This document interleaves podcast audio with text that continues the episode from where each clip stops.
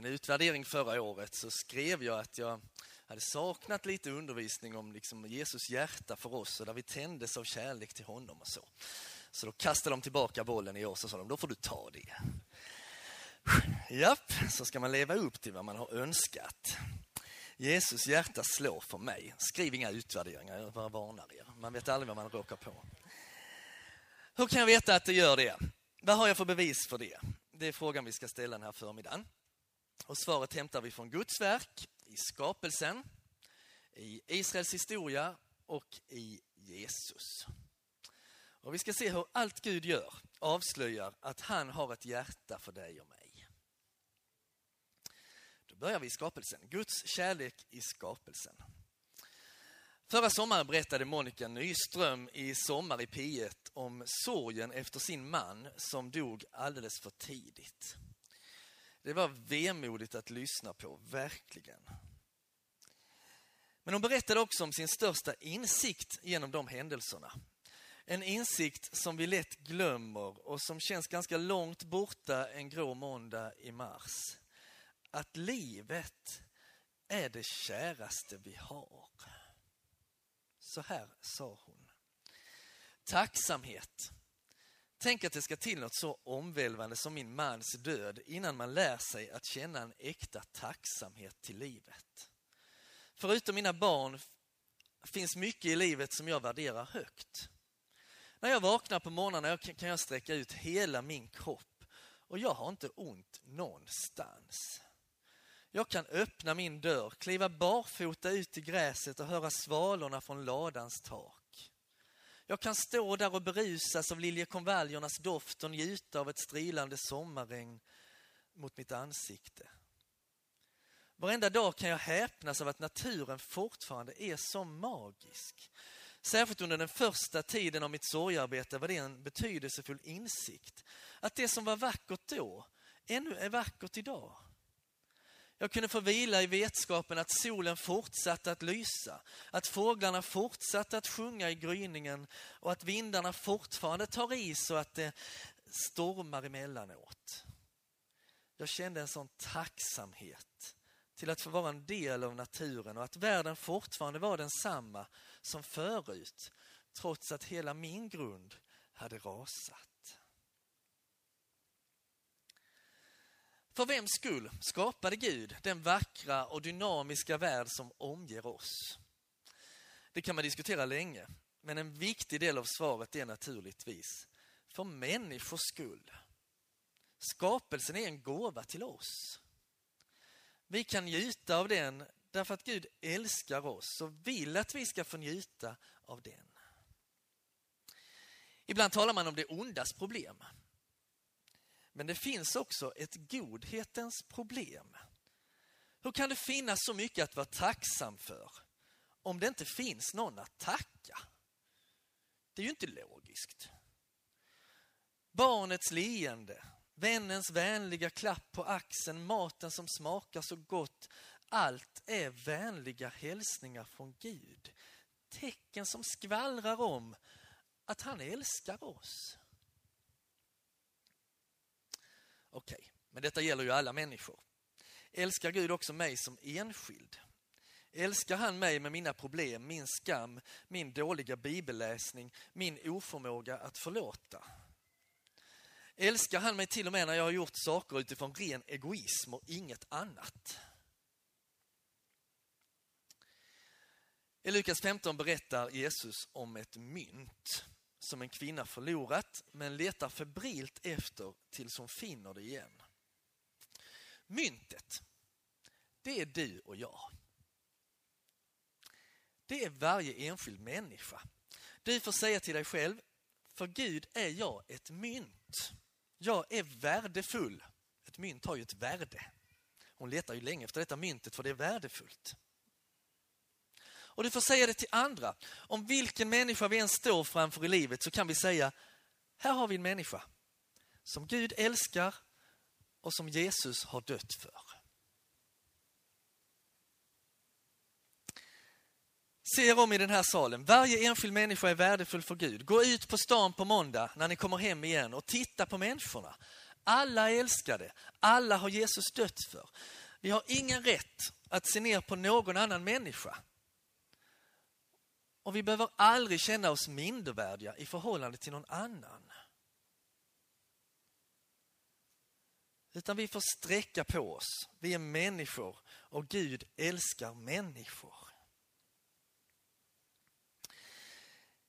Eftersom vi är mynt, värdefulla, älskade, efterlängtade, så söker han efter oss. Vi är viktiga för honom. Han söker länge, han söker tills han finner. Och vi har ju alla haft olika resor fram till Gud.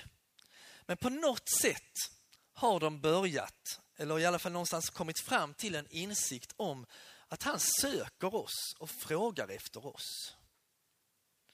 Han ser oss i vår synd och vår utsatthet och han kommer oss till vår hjälp.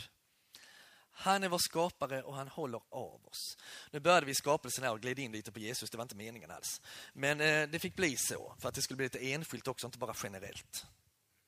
Men detta om Guds kärlek i skapelsen, vänliga hälsningar möter oss varje dag från honom.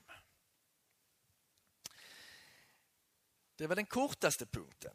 Nu kommer den långaste punkten. Guds kärlek i historien med Israels folk. Om en stund ska vi läsa ett kapitel i Hosea bok. Det handlar om Guds kärlek till Israel. Det kan tyckas långsökt att ägna en hel förmiddag åt det, eller en halv i alla fall. Vad har vi för nytta av att veta vad Gud kände för några judar för 2500 år sedan? För att förstå det ska vi läsa några verser ur Galaterbrevets tredje kapitel. De kommer nog här. Yes, vers 26 till 29. Så här står det. Alla är ni nämligen genom tron Guds söner i Kristus Jesus. Är ni döpta in i Kristus har ni också klätt er, iklätt er Kristus. Nu är ingen längre jude eller grek, slav eller fri, man eller kvinna. Alla är ni ett i Kristus Jesus. Men om ni tillhör Kristus är ni också avkomlingar till Abraham och arvtagare enligt löftet. Alltså den som har tagit emot Kristus har tagit emot allt som gällde Abraham, allt som gällde dem där, ni vet, på den tiden. Alla löften de fick, de fick en uppfyllelse i Kristus och så kom de till oss. Så det betyder att han också står i förbund med oss. Vi kan inte läsa vilken text i Gamla Testamentet bara sådär random slå upp och säga att det gäller mig. va? Vi får ha lite vett och sans när vi läser jag förstår liksom historien och kontexten och allt det där. Men kristendomen är fortsättningen på judendomen. Det som har hänt tidigare, det, det gäller oss. Löftena gäller oss. Det Gud talade till Israel, det handlar också om oss. Så därför kan vi studera Hosea bok idag och tänka att ja, men, det är inte bara historia, det är också nutid. Hosea bok börjar dramatiskt. Gud uppmanar profeten att gifta sig med en horkvinna. Faktiskt kommer horkvinna vara ett av dagens tema. Eh, vi ska nu studera det här och sen ska vi tala om äktenskapsbryterskan och sen ikväll ska det handla om hororna eller de prostituerade på Malmskillnadsgatan. Så det kommer liksom återkomma att Gud faktiskt älskar till och med dem som vi kanske tycker är längst ner nästan på samhällets botten. Hosea ska gifta sig med en horkvinna. Ehm, det betyder förmodligen inte att han ska gifta sig med en prostituerad kvinna. Då skulle ett annat hebreiskt ord använts. Jag kan inte ett enda hebreiskt ord, men det säger de som kan det. Ehm, utan här handlar det om en kvinna med svag karaktär. Hosea får veta att hon kommer svika sitt äktenskap och sin trohet. Förmodligen går Hosea ändå in i den här relationen med glädje och förhoppning om att hans kärlek ska kunna, kunna vinna den här kvinnans gensvar. Hon heter inte Homer, men hon heter Gomer. Ja. Men hon har sin svaga punkt. Säkert älskar hon Hosea, men hon upplever att hon också behöver bli bekräftad av andra män och tillfredsställd av andra män. Och faktiskt ser synden nästan alltid ut så. Den börjar i ett helt naturligt behov. Vem av oss behöver inte bli bekräftade, sedda, älskade, få veta att vi duger? Men genom synden så försöker vi tillfredsställa det på fel sätt. Hosea var säkert ingen dålig älskare. Men Gomer hade sitt värde och sin betydelse i att hon kunde attrahera män. Det var då hon upplevde sig levande och stark. Kanske kämpar du med liknande strategier. Kanske ser det helt annorlunda ut för dig. Problemet uppkommer alltid när något annat får inta Guds plats. Ofta faktiskt goda saker.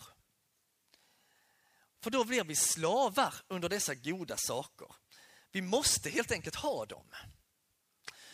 Någon drömmer om att vara en god förälder. Det är ju en god strävan.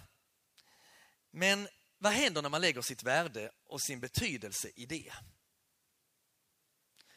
Ja, då bara måste man ju lyckas. Då blir det på liv och död. Och misslyckas man upplever man sig värdelös. Och man börjar kontrollera sina barn stenhårt för att de ska vara duktiga så att man väcker andras respekt och beundran. Det är så man får sin betydelse, tänker man.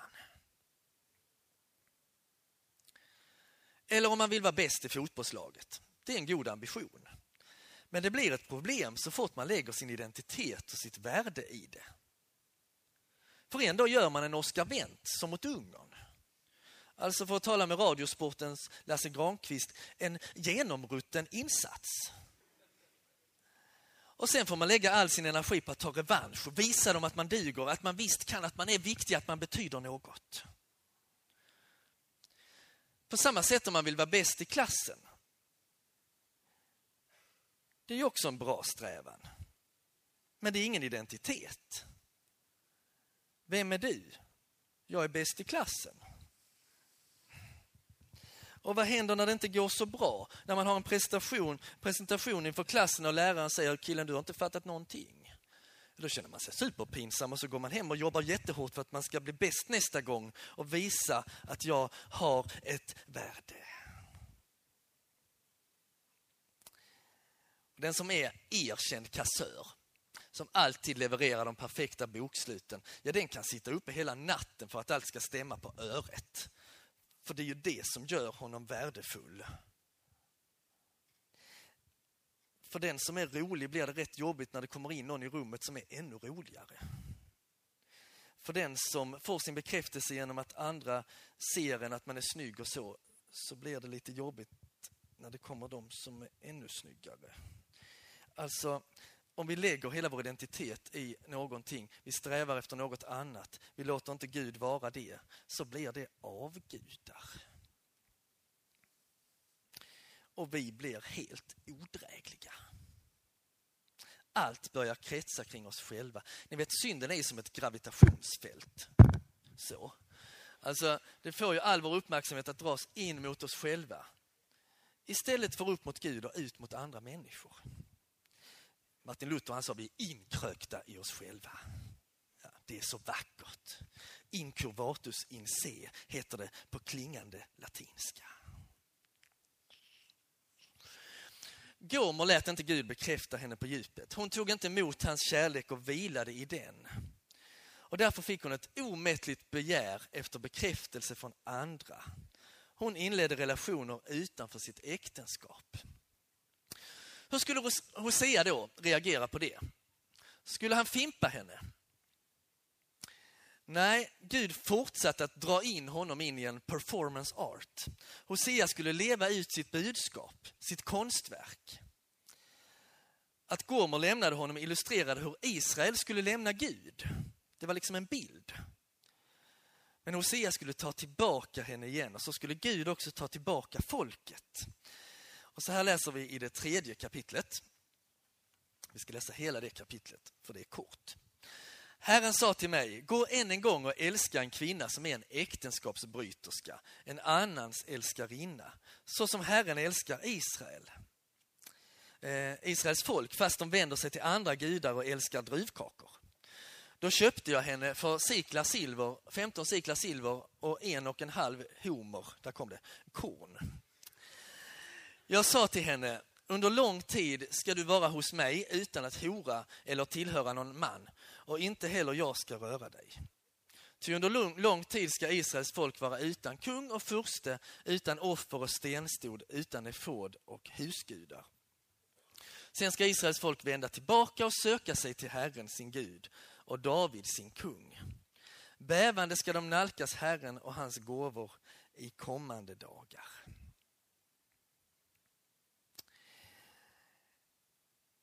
Hosea bok utvecklas sedan till en ganska tuff läsning. Långa domsharanger avlöser varandra. De är inte anklagelser för vad varje enskild person i folket har gjort. Vissa levde säkert rätt och gott. Men de beskriver vad Gud såg när han såg ut över landet. Både ledarskapet och folket hade tänjt på sina moraliska gränser. Vi läser, förbannelser och lögner och dråp och stölder och äktenskapsbrott breder ut sig. Blodståd följer på blodståd.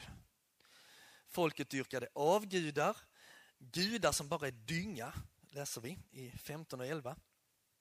Hela deras gudsdyrkan var bara fejk. De låtsades att de lyssnade, men egentligen gjorde de inte det. De sa att de älskade Gud, men det varade bara en liten stund och sen var de helt likgiltiga för honom igen. Deras kärlek liknas vid morgondimman, dagg som snabbt försvinner.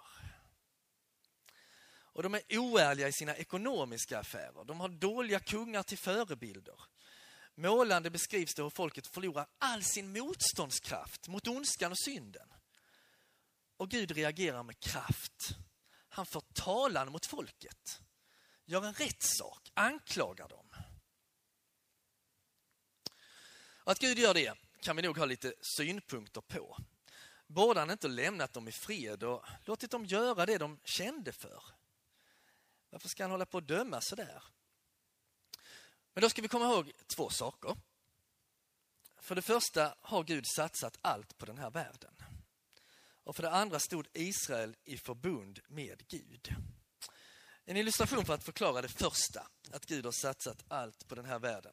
Det är en illustration från 80-talet, men eh, här kommer den i lite uppdaterad form. Ehm, det är en strålande dag. Roger och Caroline spelar tennis. Ja, flera av er har hört denna innan. Och det är riktigt kul. Båda får det att stämma perfekt. Eh, varje slag. Alltså det är, ja, de är riktigt form båda två och de har klart roligt. Men så plötsligt blir de oense om en poäng. Och, eh, de börjar bråka och slåss och kastar grus och på varandra och tennisrack i huvudet och så. Och det blir ganska obehaglig stämning. Men så efter ett tag så tycker de att så här kan vi inte hålla på, skärpning. De räcker varandra handen och säger, ah, nu glömmer vi detta va, yes. Sånt här händer, ibland tappar man humöret, det är bara så. Men då kommer det in en annan man, en tredje man som säger, no, no, no, no, no. Ni kan inte bara liksom släppa detta så här lätt. Alltså det är inte bara liksom att försonas mellan er två. Utan det ni har gjort det kommer få andra konsekvenser. Och ganska ofta tänker vi Gud så här, att han är den som går in och lägger sig i våra liv. Som säger, nej, du får inte sköta dig själv. Du borde gjort detta och detta också. Så får vi inte ha våra små liv i fred. Nu ska ni få höra hela berättelsen. Det fanns en man som älskade tennis. Han hade sparat nästan hela sitt liv. Ända sedan han var en liten pojke låg han undan 50 öre i veckan. Och Sen hade han sparat hela livet för att kunna anlägga en tennisbana i sin stora trädgård. Och Det var läktare och allt. Liksom det, det var hans stora passion var tennis. Han bara älskade tennis. Och till öppningsceremonin så hade han bjudit in Roger Federer och Caroline Wozniacki. Och det var fullt på läktaren med massa barnfamiljer och det var ballonger och sånt. Och så slutade det så här. Det blev riktigt obehaglig stämning. Barnen satt och grät och det här var inte kul. Alltså detta är en bild för hur Gud har liksom satsat på denna världen. Va? Han gav Adam och Eva en lustgård att vara i. Han eh, ville något så vackert. Överflöd, skönhet, glädje. Och så sprack alltihop, för de sa nej till honom. De ville inte ha med honom att göra längre. Så detta är en förklaring till att Gud dömer folket, att han har rätt att döma folket, att han faktiskt har satsat på dem stenhårt. Det andra vi skulle komma ihåg här, när vi skulle förstå det här då, det var att Israel stod i förbund med Gud. Det kommer en annan bild. En man kör på motorvägen och får se en kvinna komma ut ur en bil som fått punktering. Han stannar och erbjuder hjälp. Han har gott om tid, så inga problem för honom. Vårt omdöme? Dagens hjälte. En man kör på motorvägen och får se en kvinna komma ut ur en bil som fått punktering. Han är stressad till ett möte och måste dessvärre passera. Men han tänker en menkännande tanke. Stackare, han skulle så gärna hjälpt henne om han bara haft möjlighet. Vårt omdöme, omdöme respekt. Man kan inte hjälpa alla alltid. Fint med människor som har medkänsla med andra. En man kör på motorvägen och får se en kvinna komma ut ur en bil som fått punktering. Kvinnan som stiger ut ur bilen är hans fru. Hmm. Hur skulle vi värdera hans insats då? Om han stannade och erbjöd hjälp, skulle vi då säga dagens hjälte? Nej, knappast va? Han bara gjorde det själv, vi självklart skulle förväntat oss. Vi skulle knappt räknat det som en god gärning, så självklart var det. Och om han passerade för att hinna till ett viktigt möte, ja, då skulle vi såga honom som man. Ett möte var viktigare än hans fru som fått punktering. Inte okej. Israel stod i förbund med Gud. I vår kultur sluter vi nästan aldrig förbund. I studentsången knyter man förbund i den lund, men ingen vet vad det betyder. Och, och sen har vi kontrakt som ligger ganska nära. Men äktenskapet är ett undantag. I vigselritualet beskrivs det som ett heligt förbund instiftat och förordnat av Gud. Det är ett förbund. Och tänk om du skulle varit gift med någon som levde som Israel gjorde. Som vägrade samarbeta i hemmet. Som aldrig lyssnade när du försökte förklara hur du ville ha det. Som älskade dig passionerat i en kvart men sen behandlade dig som luft. Som gamblade med era pengar. Som bröt ert äktenskap och gick och offrade era barn. Alltså jag vill inte leva i en sån relation.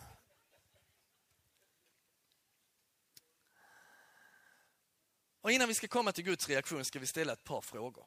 Jag ställer alltid två frågor åt gången. Nu blir det ett par frågor till. Den första. Står också vi i förbund med Gud? Ja, vi gör det. Genom dopet har Gud sagt ja till oss. Genom tron har vi fått bekräfta det välkomnandet.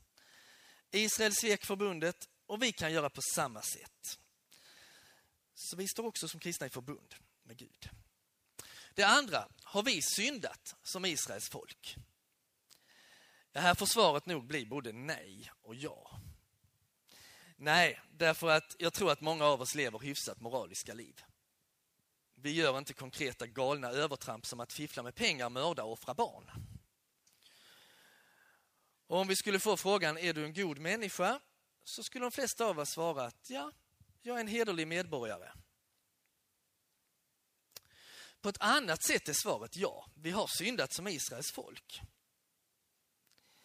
Vi kan inte förneka att vi inte älskar och lyssnar till Gud som vi borde. Vi litar inte helt på honom.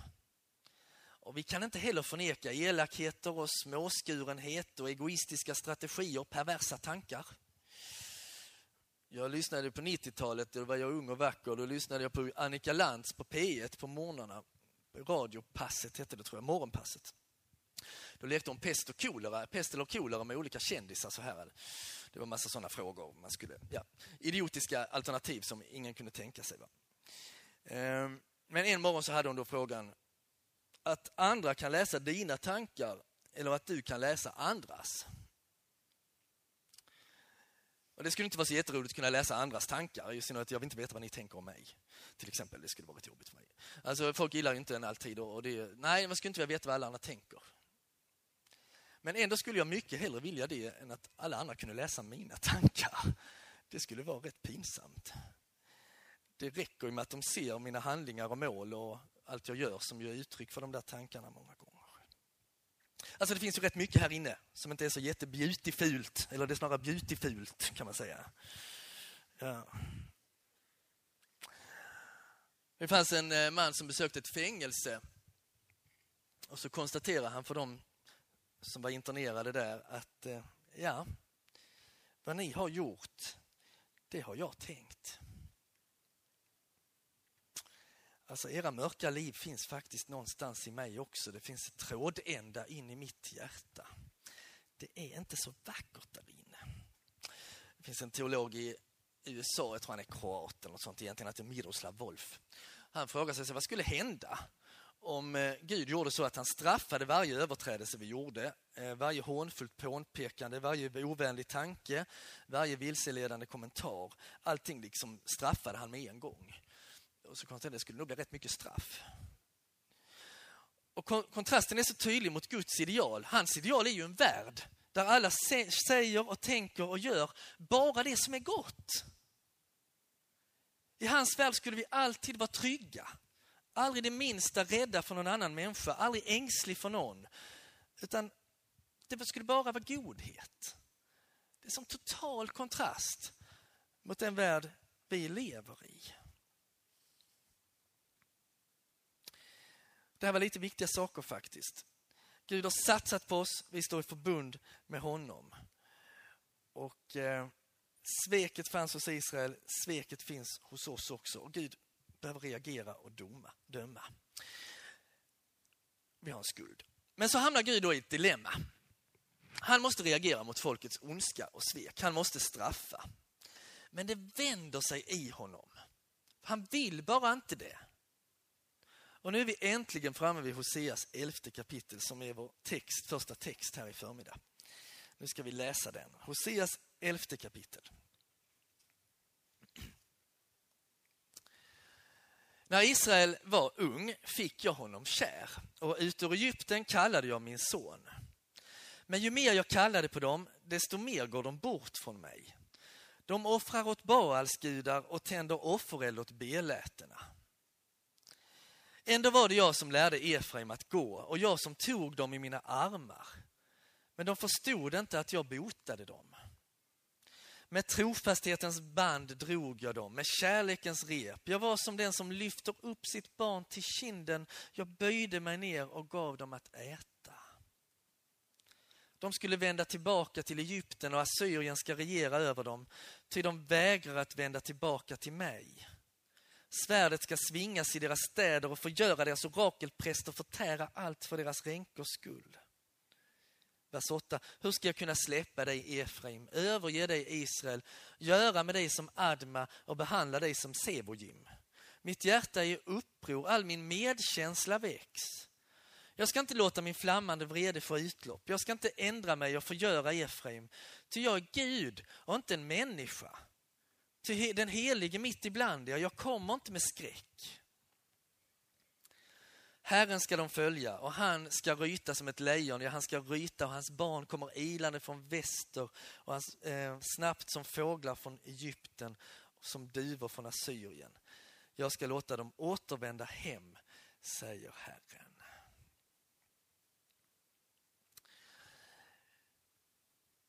Rebecca Manley Rippert berättar om en rättegång hon besökte. En man var anklagad och befanns skyldig. Rätten skipades. Domaren utverkade domen. Oavsett vem mannen var eller vilka relationer han stod i så gällde lagens ord och han befanns skyldig. Men precis när domaren skulle utsäga domen bröt en man ihop i förtvivlad gråt. Han var mannens far. Naturligtvis ändrade inte hans sorg domen. Men den fick de församlade att se på brottslingen med andra ögon. Han har varit ett barn, en pojke, med en far som älskade honom överallt i världen. Alltså överallt i världen, inte överallt. Ja. Lagens ord fick dela rum med kärlekens. Och på väg ut sa pappan, jag har aldrig känt mig så hjälplös i hela mitt liv. Om jag ändå kunde gjort något. Jag hade till och med kunnat ta straffet om det hade varit möjligt. Gud har bestämt sig. Han ska straffa Israel och Juda. Det finns ingen återvändo. Gud är universums yttersta rättsinstans.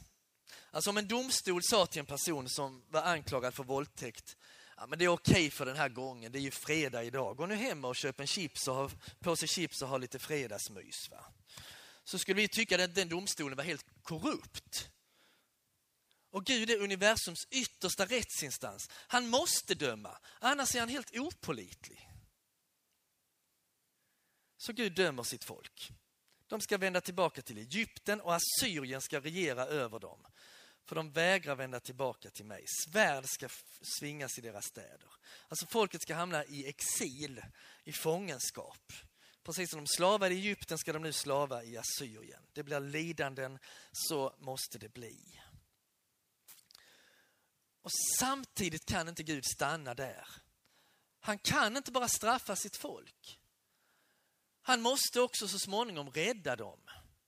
Han ska ryta som ett lejon, läser vi här, och se till att folket kommer tillbaka som fåglar från Assyrien när de hamnat i fångenskap. Han ska befria dem. Och varför det? Jo, för han är pappan som gråter av kärlek i rättssalen. Och här i Hosea 11 liknas hela nationen, hela Israel, vid en liten, liten pojke. Gud sitter och bläddrar i ett fotoalbum från hans barndom och minns när han fick honom kär.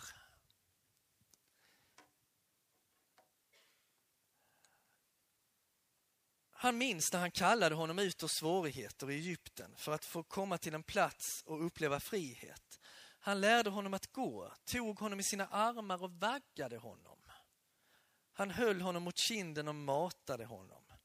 Hela tiden var han trofast.